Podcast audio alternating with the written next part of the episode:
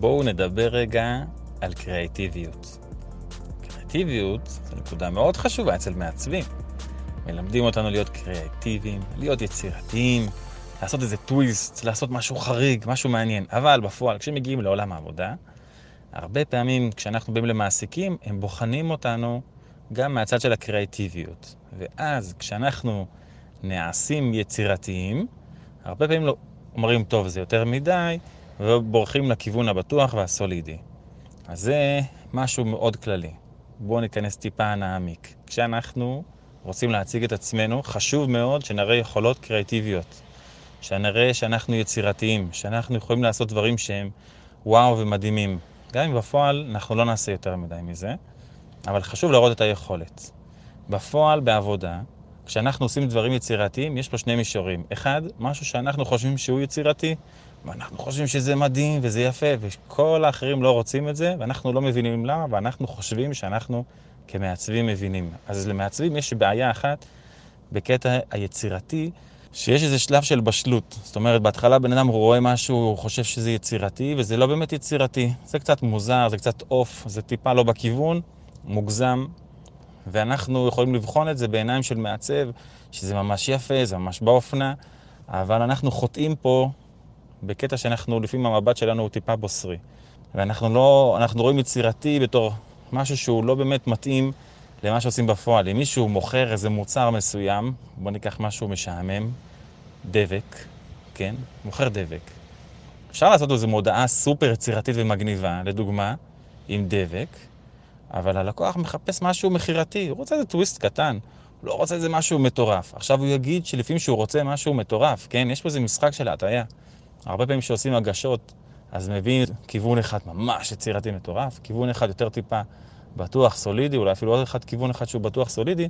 הרבה פעמים לקוחות הולכים על הסולידי, מדי פעם יש לקוחות שהם רואים את המשהו היצירתי והם גם רוצים לזרום יותר, ולפעמים המשהו היצירתי הוא גם מאוד יצירתי והוא גם מאוד נכון מבחינת העבודה. שאם העבודה במהות שלה היא למכור משהו, הוא אומר, רגע, זה גם מאוד יצירתי וזה גם יכול למכור, אז זה מעולה.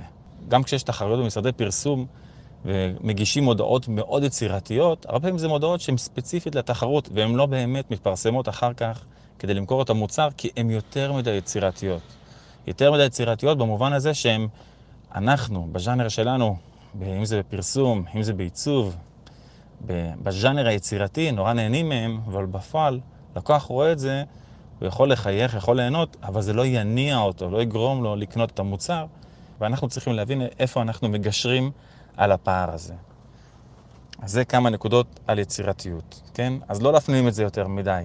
כן, תנסו להיות יצירתיים, להפגין את זה שאתם יצירתיים, ובעבודה להכיל את זה, שמה שמחפשים בפועל, הלקוחות, זה לאו דווקא יצירתיות משוגעת ופורצת דרך, אלא יצירתיות שתשרת את המטרות שלהם. שיהיה שם טוויסט, ולראות שהטוויסט הוא במקום, שהוא לא מוגזם מדי.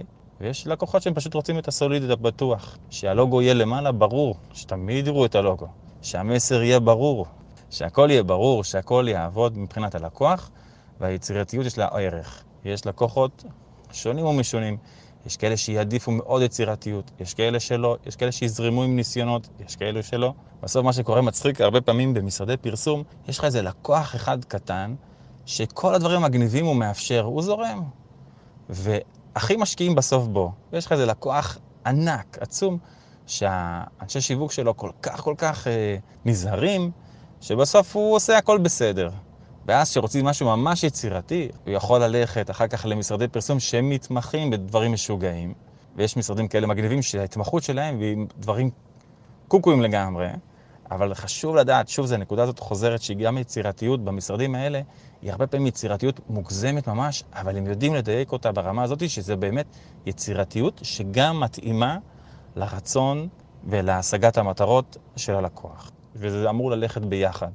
בסוף הקריאיטיב והיצירתיות והעיצוב זה כחלק מאומנות שימושית נקרא לזה, נכון? ההגדרה של עיצוב גרפי. שזה אומנות שימושית, זה בא לשמש מטרה כלשהי. ואם זה מחטיא את המטרה, לא לשם זה סוחרים אותנו כמומחים שבאים לתת עיצוב טוב כדי למלא את הרצון ואת המטרות של העסק, של הלקוח.